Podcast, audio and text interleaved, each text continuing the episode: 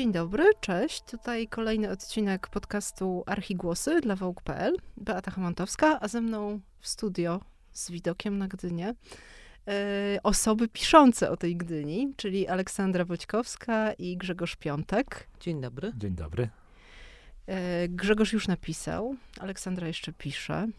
Jeszcze nawet nie pisze, Ale, ale, o różnych ma w planach. Gdy, I o różnych Gdyniach. O różnych. Będziemy więc mieć dzisiaj, co nie jest też zaskoczeniem, dwugłos o Gdyni. Oczywiście tej Gdyni nie widzimy, siedzimy w miłym studio, ale będziemy sobie ją wyobrażać i widzieć bardzo dobrze chyba. I teraz powiedzcie mi, co w tej Gdyni, co jest z tą Gdynią, bo chyba to dobre miasto, skoro i ty, i ty przez pewien czas jedno z was mieszkało tam, czyli Grzegorz, prawie trzy lata, a Ola nadal mieszka z Warszawy do Gdyni. Co, co jest w tej Gdyni takiego? Dobrze tam jest? To jest dla mnie bardzo trudne pytanie, ponieważ jako y, osobie jest mi bardzo dobrze, jako osobie piszącej y, już jest trudniej, dlatego że y, patrzę krytycznie, przyglądam się różnym rzeczom, zastanawiam się, jak dojechać z Karwin na y, Witomino, y, czy tam na Podgórze, no i to już są takie Mm. rzeczy, które ten piękny widoczek na zatokę troszeczkę y, no, psują to może duże słowo, ale już nie jest ta Gdynia taka zupełnie bez, już nie patrzę na nią bezkrytycznie. Mhm, Dobrze, jeszcze wrócimy do wątku bezkrytyczności. A ty, Grzegorz, e, najlepsze miasto świata na pewien czas zamieniłeś na Gdynię. Tak. Co, c- e, I jak ci było? Było, było mi tam dobrze, chociaż to też nie była w moim przypadku taka świadoma decyzja. Fantazjowałem o życiu w Gdyni od lat. E, Kiedyś nawet, jak jeszcze to było w zasięgu mojej kieszeni, wyobrażanie sobie branie kredytu na mieszkanie w centrum Gdyni, jak one były przez 6 tysięcy za metr kwadratowy, to, to taką fantazję prawie, prawie zacząłem spełniać i zacząłem bardzo badać możliwość spełnienia takiej fantazji i nie było to takie nierealistyczne. Znamy to, znamy. Tak. em, I e, w końcu zamieszkałem trochę przypadkiem, znaczy mój chłopak ówczesny dostał pracę, która wymagała od niego bycia cały czas w Trójmieście i okolicach, więc zaczęliśmy żyć trochę na, tak na dwa miasta, na, na Warszawę i najpierw Gdynię, potem Gdańsk. I y, ja dalej bardzo lubię Gdynię, ale rzeczywiście też y, i korzystałem z dobrodziejstw życia w niej, bo mieszkałem w samym centrum, czyli kwadrans od plaży, kwadrans od lasu i kwadrans od wszystkiego, czego potrzeba do życia y, takiego zwykłego, już codziennego, a nie tylko do rekreacji. Mm, Ale też ten e, czas w Gdyni i potem w Gdańsku, czyli blisko bardzo Gdyni i możliwość tam bycia bardzo często, poznanie wielu ludzi sprawiło, że ten obraz Gdyni mm, idealnej się trochę skomplikował i, i wzbogacił. A jaki mieliście obraz tej Gdyni idealnej i jaki tutaj y, związek z tym miała jej architektura? Bo może to wiemy, wszyscy chcemy nad morze. Ja miałam długi czas tak, że przyjeżdżałam tam i na dworcu w Gdyni czułam się, uwaga, jak na dworcu Termini, że tak było mi Wow. nagle dobrze. E, I dobrze mi się tam pracowało, ludzie byli pomocni e, i no i stąd się wzięła ta fantazja, żeby, żeby, żeby być tam dłużej. I przyznam, że jeśli chodzi o architekturę, to raczej ta, ten widok, że wychodzę z dworca z 10 lutego i już widzę to morze. To, to, to na mnie zawsze, zawsze działało. To jest właśnie magiczne słowo urbanistyka, które wcześniej...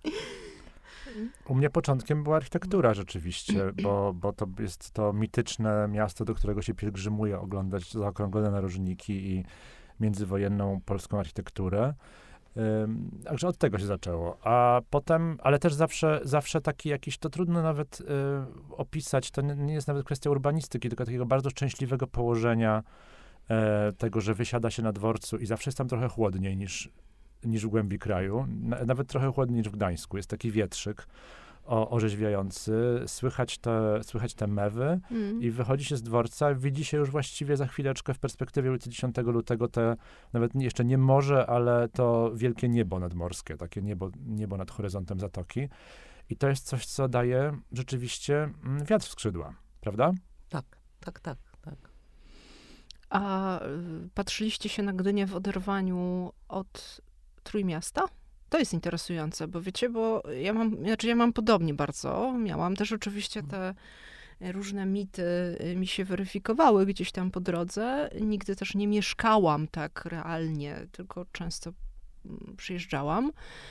Ale dawniej, jeszcze w moim dzieciństwie, jak gdzieś tam pierwszy raz do tej Gdyni pojechałam, to wszyscy y, bardziej mówili, że Gdańsk, Sopot, a Gdynia była tak trochę w tle za tymi dwoma miastami. Natomiast one oczywiście tworzą pewien taki wspólny organizm, który być może ma swoje zalety i też może ma wpływ na, na postrzeganie. Czy wy od razu tak mieliście, że ta Gdynia y, była, była najlepsza i, i też byliście niepopularni przez to?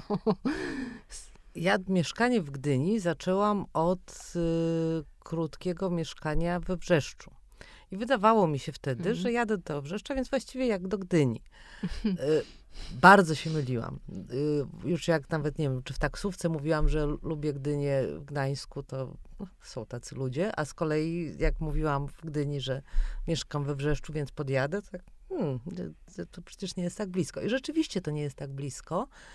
Y, co się, jak się przyjeżdża na wakacje, to się wydaje, że ta SKMK mknie. Jak trzeba nią jeździć na co dzień i się prawie zawsze spóźnia, to, to już się okazuje daleko. I no i te miasta są w wiecznej animozji. I właśnie Gdański Sopot i Gdynia jest, jest osobno, jest taka i, i nie zabiega o to, żeby być y, w Trójmieście, zdecydowanie nie.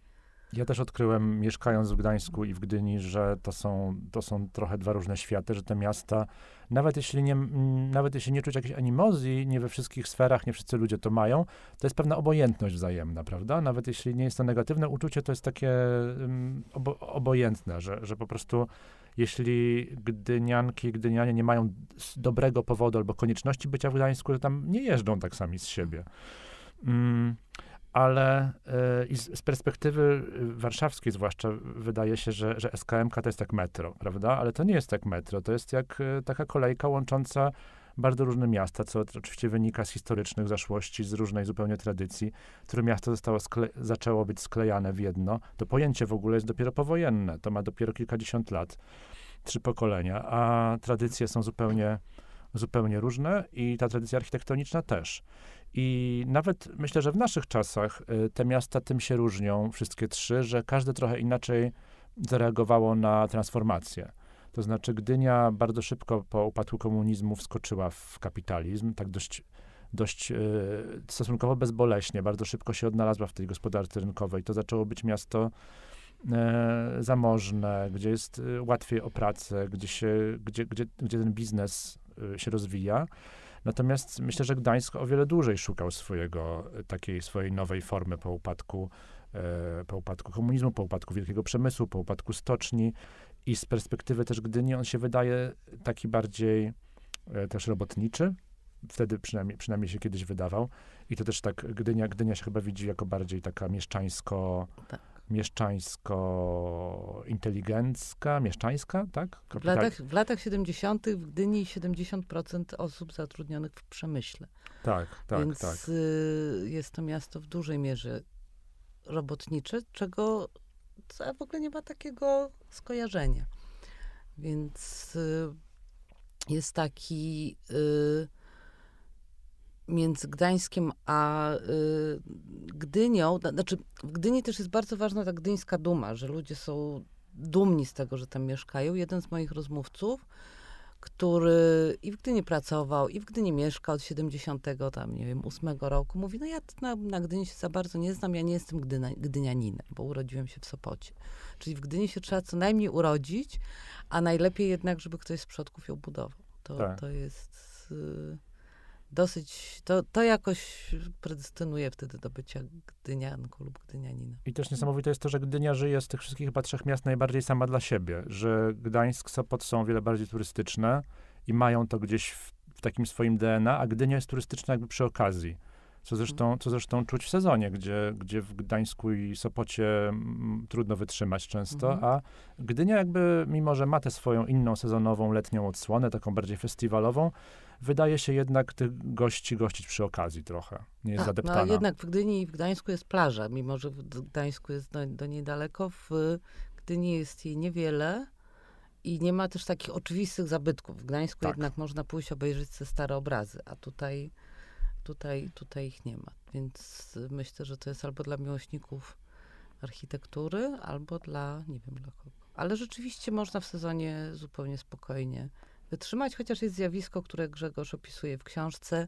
Przyjechali wszyscy krewni. Tak. E, tak, to ono e, przetrwało od przedwojny do, Czyli, je, do czyli teraz. wszyscy chcą znajomi przyjechać i, i, i, i na podłodze się Tak. chociaż zdrzemnąć. Ja myślę, że w tym punkcie warto dodać, bo chyba tego nie zrobiliśmy, mm, że Grzegorz, że Grzegorz napisał napisał, napisał książkę Gdynia Obiecana i zaraz do tego w ogóle hasła Gdynia Obiecana też wrócę. Napisał. I to jest o Gdyni przedwojennej, natomiast Ola pisze o Gdyni powojennej. I współczesnej badam ten fenomen. Wrócimy do tego Fenomen najszczęśliwszego później. Tak. miasta w Polsce. Trochę tak, trochę tak. I czy, I czy ono takie jest, czy takie nie jest?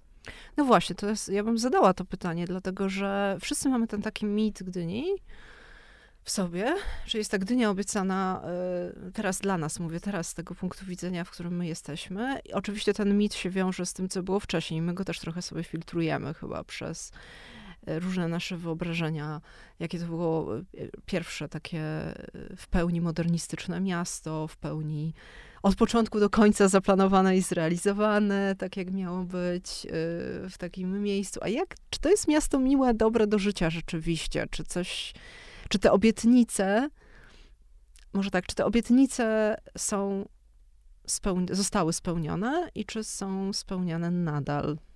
I w perspektywie historycznej, i w perspektywie współczesnej. Ja?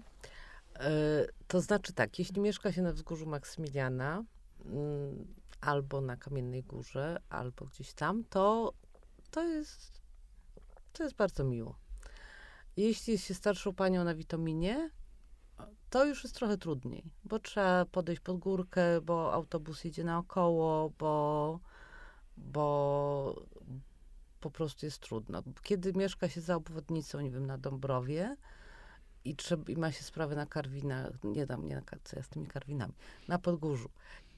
Na Pogórzu, jest. Pogórzu. Podgórze w Krakowie. tak, no, no właśnie, no i książki piszę. I, I nie ma się samochodu, to jest to wy- wyprawa, to jest to kłopot, to, to, to jest to, y, to nie jest to tak bardzo, bardzo wygodne. Myślę, że ten podział na Gdynię, który bardzo zarysowuje wyraźnie Grzegorz w swojej książce na Gdynię, ja to nazywam przed torami i, i za torami, to jest trochę uproszczone, bo niektóre z tych biedniejszych dzielnic są też przed torami, e, jest ciągle bardzo wyraźny. Jest ciągle bardzo wyraźny. Mit, jest, mit dotyczy tej części nadmorskiej. I to rzeczywiście jest taki podział, który się zarysował już przed wojną, że są te dzielnice willowe jak Orłowo, Kamienna Góra i wtedy dopiero pączkujące, dopiero Red- Redłowo a, i Śródmieście, które są, właśnie odpowiadają temu od, obrazowi miasta nowoczesnego, wygodnego, dość zielonego i przede wszystkim mają ten kontakt z morzem, ale to ma też swoją cenę i niewiele, niewiele, niewielu na to stać. E, I ta Gdynia taka już e, peryferyjna, bardziej mniej połączona, em, która jest e, biedniejsza. Oczywiście te różnice nie są teraz tak dramatyczne jak przed wojną, bo ja piszę o jakichś koszmarnych, Mhm. po prostu trzecioświatowych różnicach między, między tym. Meksykach i innych. Tak, między tym, Meksyk, ale Meksyk istnieje do dzisiaj. Meksyk istnieje do Czyli dzisiaj. taka dziel, resztki jeszcze przedwojennej dzielnicy nędzy w Chylonii. Tak, i to jest taka dzielnica, gdzie właściwie ludzie sobie sami podoprowadzali. Media, do, taka, oni tam nawet, niektórzy mają takie domki y, całkiem porządne, niektórzy mają domki z byle czego, jest tam bardzo zgrana społeczność, bardzo jest to w ogóle ciekawe socjologicznie, ale do 94 roku tam nie było planu miejscowego. I właściwie przypadkiem tylko e, nie, nie, nie przejął tego żaden de- deweloper, bo właściciele tego gruntu, właściciele tego gruntu nie chcą tego sprzedawać. Opłaca im się dzierżawienie tych działek. Miasto nie ma, nie może tam nic, znaczy może coś tam zrobić, ale musiał po, po wykupić ten teren, a osiedle Pekin funkcjonowało jeszcze kilka lat temu. Czyli Gdzie- największy przedwojenny taki, tak, slums. i to był, tak. I, I tam właściciele deweloperowi sprzedali, więc... I ciekawe jest też to, że, że z, tym, e, z tym podziałem nie poradził sobie też PRL, który teoretycznie miał tę równość na sztandarach wypisaną, ale ten podział na lepsze dzielnice przed torami i gorsze za torami, umowny, on został. Jak rozmawiamy z naszymi znajomymi gdyńskimi też, prawda, to też oni mówią, że tak, tak było zawsze, mhm. że tam były te lepsze dzielnice, lepsze szkoły, choć państwowe a, i, i, i to zostało, że pewne adresy gorsze, lepsze zostały. I e, ten, ten, na, na tym Pekinie, o którym właśnie Ola przed chwilą mówiła, e, te, te, te przedwojenne budki zostały, właściwie tylko tyle, tyle się stało dobrego w PRL, że prąd tam doprowadzono, ale tak to ta struktura taka fawe, takiej faweli y, została. Czyli nie tylko mamy takie wyobrażenie jakiejś bogatej osoby z Warszawy, która nabyła tam mieszkanie, Najlepiej... mieszka w centrum e, na 10 lutego i sobie z pięknego, zaokrąglonego balkonu patrzy w stronę morza, ale są zupełnie inne rewiry. Ja mam Wszyscy takie... się tam nie zmieszczą po też po tak. prostu. Mam tak, tak. wrażenie, też może to ono jest takie trochę publicystyczne i efekciarskie, ale że w Gdyni bardziej niż gdziekolwiek indziej lepiej jest być e, zdrowym, młodym i bogatym niż, bo zwłaszcza bogaty. Mm, brzmi, tak. Znaczy brzmi tak. dobrze, ale znaczy no, tak. trochę no tak, gorzej. No tak. E, mm, Gdynia obiecana, Gdynia dostarczona. Napisałeś, jak oddałeś, oddałeś książkę wydawcy na swoim Instagramie.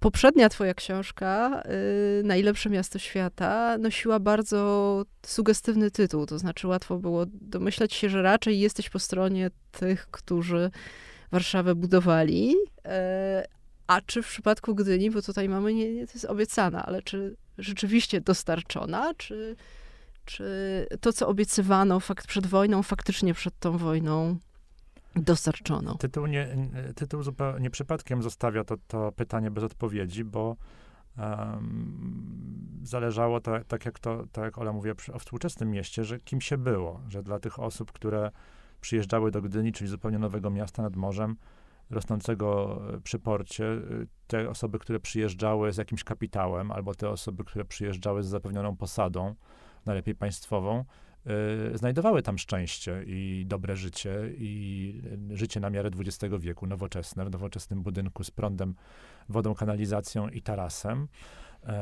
Natomiast y, dla tysięcy osadników, którzy przyjeżdżali tam w ciemno, przyjeżdżali do pracy fizycznej i niekoniecznie ją znajdowali, zwabieni właśnie tym mitem miasta sukcesu, miasta tej obietnicy spełnionej, y, Gdynia była bardzo mm, bezlitosnym miejscem do życia, miejscem takiej ostrej walki o przetrwanie, gdzie państwo właściwie odpuściło opiekę nad tymi ludźmi. Znaczy była jakaś garstka osób otrzymujących zasiłki dla bezrobotnych, ale to było bardzo niepewne, ale nie istniała, e, były przepełnione szkoły, nie istniało przedszkola, nie, państwo nie budowało mieszkań, chociaż najpierw jakoś tam zwabiło te, te tysiące osadników, e, próbowało ich wysiedlać z zakazem powrotu, także było to bardzo um, twarde miejsce.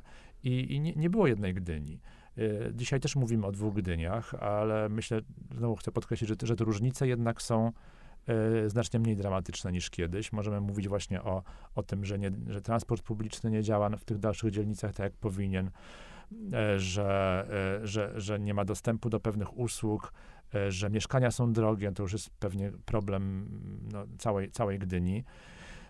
Nie dziwne jest, że gmina Kosakowo podgdyńska jest naj, jedną z najszybciej rosnących gmin w Polsce, no bo chyba nie, Gdynia daje pracę, ale Gdynia nie daje y, mieszkania odpowiednio taniego i y, no, jeśli się zapuścimy pewnie do, do właśnie poza centrum, albo gdzieś w jakieś boczne uliczki, to zobaczymy takie obrazy troszkę jak sprzed wojny, że, że w jakimś mieszkaniu e, po, podnajętym e, śpią obcy sobie faceci na łóżkach piętrowych, którzy tam przyjechali do roboty. Um, i, i, I przed wojną było, było to tylko, że, że, że, że chyba jeszcze no, o, o wiele dramatyczniejsze. I y, wojna prze, prze, prze, przerwała ten rozwój, e, ale myślę, że, że on byłby cały czas taki nierównomierny. No ale to już jest dyskusja troszeczkę takie gdybanie, którym się zajmuję w książce.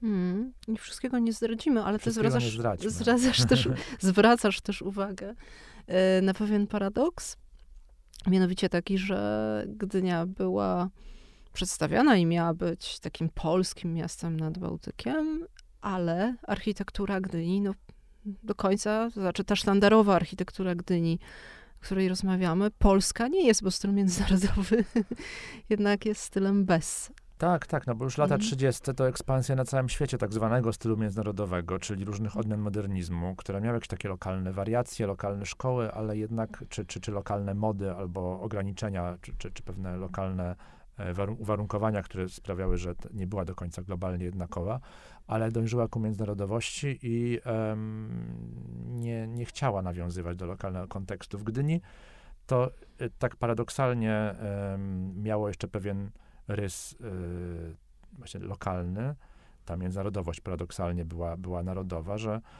Gdynię zamieszkiwali ludzie pochodzący z różnych regionów Polski, e, którzy przyjeżdżali z różnymi gustami, różnymi oczekiwaniami, różnymi modelami życia. Em, Gdynia, te okolice miały też swoją pomorską tradycję. Mm, Była też tradycja gdańska tuż obok, no ale tradycja gdańska była politycznie niepoprawna, no bo wolne miasto Gdańsk było etnicznie głównie niemieckie i było, nie było w granicach Polski. Więc modernizm jako ta międzynarodowa estetyka pozwalał przekroczyć te wszystkie różnice i stworzyć taki paradoksalnie lokalny, nielokalny styl. Po prostu w oderwaniu od tych wszystkich tradycji, które już były na miejscu i w oderwaniu od tych tradycji, które przywozili ze sobą osadnicy. I to, e, no to taka jest trochę, no dość piękna historia o tym, jak architektura, właściwie ta sama forma potrafi różne, różną rolę spełniać w różnych miejscach na świecie. Mm. E, Przypominają mi się też e, przy tych wszystkich ochach i achach nad e, Gdynią wypowiedzi brzmiące dość zaskakująco em, architekta no, głównie kojarzonego z Warszawą, czyli Edgara Norwerta, który Gdynię krytykował Bezlitośnie. bezlitośnie właśnie. Czy to, czy on był odosobniony w tym? Absolutnie nie. I to, to jest kolejny, ty, kolejna no, nitka, którą mo, można wyprowadzić z tytułu Gdynia obiecana, że archi- architekci, urbaniści różni inni fachowcy od miast y, obiecywali sobie po Gdyni, że ona będzie takim miastem z, bez, bez, bez błędów. Że można będzie wreszcie, budując od zera, zbudować miasto, które nie jest obciążone żadnymi genetycznymi błędami e, przeszłości, żadnym, żadną tam za, za, zawikłaną sytuacją własnościową, żadnymi zależnościami że to jest taka czysta kartka, no ale bardzo się szybko okazało, że ta kartka nie jest czysta, że miasto, że państwo wykupiło ziemię pod budowę portu, natomiast rozwój miasta na początku zostawiło trochę samemu sobie. Pojawia się plan urbanistyczny, ale pojawia się za późno, potem pojawia się kolejna jego wersja, znów życie ją wyprzedza, mnożą się interesy, interesiki, które powodują, że ten rozwój miasta nie jest e, idealny. I oczywiście oczywiście e, nie jest tak, że da się już XX wiek nas nauczył, że miasto to nie jest taki zegarek czy mechanizm, który można zbudować, puścić w ruch i on potem się będzie już e, e, tę swoją rolę spełniać bezbłędnie, że to zawsze jest taki system akcja-reakcja, są pewne nieprzewidzialne okoliczności, ale e, rzeczywiście w przypadku Gdyni bardzo wiele zostawiono przypadkowi i to miasto przed wybuchem wojny właściwie się wyłaniało z chaosu. Miało plan, ale ten plan był nie zawsze respektowany. E, I ur- architekci, urbaniści uwa- używali często Gdyni jak, jakiego, takiego, takiego chłopca do bicia, czy dziewczynki do bicia, pokazując na, na jej przykładzie, jak bardzo mało nasze instytucje robią, jak bardzo mało jest robione przez państwo czy przez samorządy e, w e, kierunku prawidłowego rozwoju, że to wszystko jest jednak taki dość dziki, kapitalistyczny rozwój. Jeśli chodzi o to, y, przepraszam, jeśli chodzi o to, że wtedy nie wykupiono gruntów, to do tej pory to zbiera y, żniwo, bo jest wiele terenów w centrum miasta, na które miasto nie ma wpływu, nie może, znaczy może powstrzymać budowę czegoś, ale nie, nie może samo niczego zbudować, ani, ani zaplanować. To są takie tereny typu Park Rady Europy w, przed, y, w samiutkim centrum, centrum Gdyni. Tuż przy tak, bulwarze tak, To jest taki wielki bulwarze, tak. skwer, który Państwo znają, może u stóp hotelu Mercury przy Tak. Teatrze Muzycznym. Mhm. To ja może powiem, o co chodzi. właśnie, tak, w, w tak. Tak, tak powiedzcie, bo To nie jest wszyscy teren widzą nie- razem To z jest nami. teren e, bardzo blisko właśnie Molo Południowego, blisko przystani jachtowej, także taki prime property e, gdyńskie, które przed wojną planowano jako, e, tam miało być tak zwane forum morskie, czyli taki centralny plac z budynkami reprezentacyjnymi wychodzący na morze. I, ale e, teren był prywatny, no bo państwo nie, nie, kupi, nie, nie wykupiło tego terenu e, na samym początku urbanizacji, potem by musiało płacić już rynkowe stawki. No i przyszła wojna, teren zawsze znowu był prywatny i po wojnie próbowano, to się skracam, Tak. były, były kolejne przymiarki już PRL-u do wykreowania tego forum, e, wywłaszczono tych e, przedwojennych właścicieli. No i po wielkiej batalii prawnej e, ostatnio e, miasto Gdynia przegrało z tymi Mhm. przedwojennymi właścicielami, e, którzy dowiedli właśnie, że, że, że pewne nieprawidłowości przyszły przy tych, e, przy tych wywłaszczeniach i cały jeszcze niedawno lansowany projekt budowy Forum Morskiego, bo to już za naszych czasów przeprowadzono konkurs architektoniczny, miał być tam e, biblioteka, prawda, jakieś inne gmachy publiczne.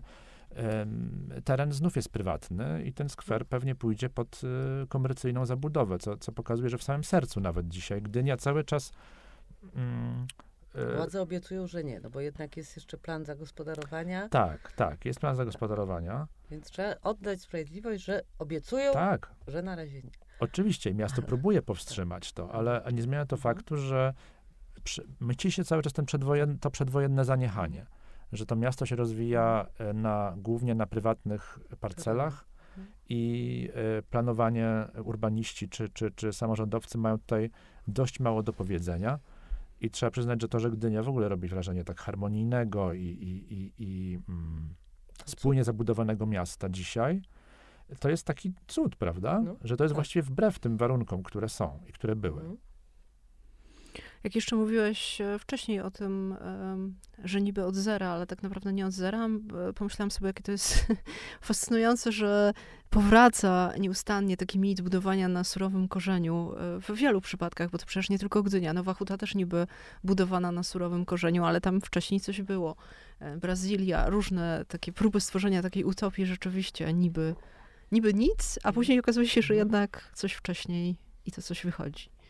Gdynia w ogóle robi, robi moim zdaniem to w, o, o, Olu, myślę, że to też jest twoja, trochę bardziej twoja Mhm. działka niż moja, ale że, że robi świetną robotę, em, taką przestrzenną, w, jeśli chodzi o mm, to dziedzictwo modernizmu właśnie, prawda? Że to też jest e, taka praca i propagandowa od, od, od, od dłuższego czasu w propagowaniu tego dziedzictwa i konserwatorska też, taka w zajmowaniu się tymi budynkami, które powoduje, że, że znów, że mimo, że, że działamy w takich dość dzikich kapitalistycznych warunkach, to to dziedzictwo ma się nieźle, ma się dobrze, Tak, prawda? dziedzictwo modernizmu jest... jest- też, prawdę mówiąc, wiele więcej dziedzictwa tam nie było, a jednak Tak, trzeba było... Innej starówki nie ma. Znajduję artykuły z lat, nie wiem, 70., kiedy jedzie y, gdyjski konserwator zabytków, czy ktoś. Y, w 70. latach chyba w ogóle y, spisano te zabytki. Y, jedzie do Krakowa na jakiś kongres za, zabytkoznawców i oni się tam z niego wyśmiewają, że w ogóle jakie mogą być zabytki w mieście, które ma 60, od 80 lata, 60 lat. E, No i on jednak udowadnia, że tak, że mamy tutaj ma rejestr, w tym rejestrze jest 26 e, punktów, czy tam ileś, więc to... ale to jest dla mnie ciekawe, że taki ten mit idealnego miasta przedwojennego dzięki temu staje się taką samospełniającą się prze- przepowiednią. Mm. Ale ponieważ też- wierzymy, że ono Mhm. było idealne, to tym, tym, tym lepiej to oddziałuje w, w, dziś. Też Gdynia miała trochę szczęścia, że y, w PRL-u, mimo że centrala bardzo wiele Gdyni zabrała, bo trzeba było podbudować Gdańsk, bo miała y, złą tradycję, to jednak tam miała takich y, mm, miłośników. Y, Główny architekt miasta Jerzy Hein- Heinrich był, właśnie on zabiegał o to dbanie nad, nad modernizmem. On się sprzeciwiał budowie bloków nad, nie wiem, w Orłowie właśnie, czy, więc był takim, takim człowiekiem z dużymi, z dużymi zasługami i udało się tego no, nie zniszczyć, a jednak było 50 lat, można było. I, i, no i rzeczywiście ta władza samorządowa y, po 90 roku dosyć szybko się zorientowała, że można z tego zrobić, y, nie chcę mówić propagandowy, ale PR-owy, Mhm. y, PR-owy użytek i to jest i zadbane, i bardzo PR-owo nadmuchiwane. Tak, działanie odgórne, ale właśnie powiedzcie mi, na ile ta samoidentyfikacja e, i uwielbienie dla tej architektury przekładało się na to, co myśleli sami mieszkańcy, na ile oni mm, to podziwiali i rzeczywiście podobało im się to i podoba im się, czy to było dopiero wytwarzane gdzieś w trakcie. Bo ja myślę też o różnych architektach, którzy próbowali ten styl modernistyczny implementować w Polsce i z początku naprawdę trudno było im pozyskać inwestorów prywatnych. To tak myślę, ale to niekoniecznie, że to się wszystkim tak faktycznie... Tak? tak, czy to się, no myślę na przykład o Lacharcie i Szanajcy, którzy z początku mieli z tym problem, mhm. ale to była jeszcze, były jeszcze lata dwudzieste. E, czy od razu wszyscy faktycznie już wpadali w taki zachwyt i dumę, czy niekoniecznie podzielali przekonanie, że, że ten styl zabudowy miasta jest najlepszym z możliwych? Na początku to było dość, e, to nie było takie oczywiste, bo jeszcze mówimy o latach dwudziestych, kiedy modernizm jest e, ciągle taką nowinką, ciekawostką, awangardową ale szybko Gdynia tego, tej, tej formy modernistycznej się uczy z dwóch powodów. Po pierwsze moda, e, z trzech. Dru, drugi powód to ten, o którym już mówiłem, czyli chyba to była taka po prostu e, neutralna bardzo forma, pod którą się wszyscy mogli podpisać. Ci przybysze z różnych stron e, i instytucje lokalne, instytucje stołeczne, które tam inwestowały. Ale dużą rolę, o czym piszę, i to jest taki trochę wstydliwy chyba sekret tego sukcesu modernizmu, nie tylko w Gdyni, jest to, że on po prostu był tańszy. Mm. Że ponieważ nie było, mówię w uproszczeniu, ozdób, e, i jakichś odwołań do stylów historycznych i rzemieślniczego detalu nie trzeba było tam stosować jakiegoś wyrafinowanego, tylko się stawiało ściany z oknami i e, dach na tym kładło w uproszczeniu, a potem nawet niekoniecznie się to tynkowało, czasami te domy czekały długo na wykończenie elewacji, to dało się budować dość szybko i dość tanio co w przypadku Gdyni, właśnie miasta, które urosło stukrotnie w ciągu y, w okresu dwudziestolecia międzywojennego, mówimy od 1200 do 120 tysięcy mieszkańców, y, miało pierwszorzędne znaczenie. Szybko postawić, zbudować, y, niech zarabia, niech mieszkają, niech wynajmują. Także to jest taki mm, ten, ten sekret ekspansji modernizmu. Nawet teraz czasem jest chyba ładniej niż było. Tak, no bo te domy są często właśnie wykończone dopiero po, po jakimś czasie albo dobudowane. E, I też e, sądzę, że, że, że e, ten mit modernizmu właśnie, który w, w Gdyni bardzo szybko się zakorzenił, spowodował, że o te budynki się dba. A Olu, jak, na, na ile powojenni mieszkańcy byli tego świadomi i identyfikowali się z dumą z tym, czy zupełnie? Nie wiem. Identyfikują się z Gdynią także szok, ale czy. I myślę, że modernizm jest jednym z, e, ze składników, ale te osoby, z którymi ja się tam koleguję, znam i rozmawiam, to w pierwszym rzędzie jednak wymieniają morze. Czyli wracamy do punktu wyjścia. No to, to chodzi, tak naprawdę to, I, to i naprawdę chodzi. można usłyszeć, słyszałam niedawno przy, y, u pani fryzjerki, która mówi, no, tak chciałam mieszkać E, tak y, zamieszkałam na Świętojańskiej, bo tak chciałam żyć trochę jak w Kalifornii, rano jeździć rowerem na korty. I tak robi. Więc jeszcze porównania do, do Ameryki tam są dosyć. Tak, ale to jest w ogóle takie bardzo trójmiejskie, no, zauważyłem, tak. jak tam no. mieszkałem, że e, wszelkie takie dyskusje, o które się prędzej czy później wpada przy winku, o wyższości Trójmiasta nad Warszawą, mhm. Warszawy nad Krakowem, Poznania nad mhm. Wrocławiem, whatever, w dowolnych, w dowolnych e, zestawieniach e, kończą się tak, no tak, ale u nas jest morze. Naprawdę, to jest taki jakby, wiesz, e, to zamyka no, dyskusję. No. I rzeczywiście, no tego, no jest, nie, tego nie przebijesz, jest, tak, tego tak, nie przebijesz. Wszyscy się zgadzamy. A teraz na koniec jeszcze powiedzcie, wasz, wymieńcie może jeden, może dwa, może trzy wasze ulubione obiekty w Gdyni, które uważacie, że nie tylko są waszymi ulubionymi, ale że też są takie właśnie doskonałe. Miejsca, czy, czy, czy mhm. Architektoniczne budynki. miejsca, budynki, założenia. Czy my się zgodzimy oboje co do hali targowej? Tak. Że i pod względem architektonicznym, ta przedwojenna hala targowa i takim społecznym, jako po prostu miejsce lokalnego życia, to jest fenomenalne miejsce. Tak. Absolutnie. Co jeszcze? To się zgadzam. Polanka Redłowska, ale tam nie ma budynków. A i, i chodzi o to, żeby nie było. I chodzi o to, żeby nie było, więc to się nie zupełnie wpisuję w ten temat. Ja też kocham dworzec, chociaż nie jest przedwojenny, tylko tuż powojenny, ale jednak e, te wszystkie Mm. mozaiki, Mhm. dekoracje o takim, z takim Mhm. wakacyjnym feelingiem. Też, też Mhm. najładniejszy McDonald's w Polsce Tak. na dworcu z tymi dekoracjami. No i co?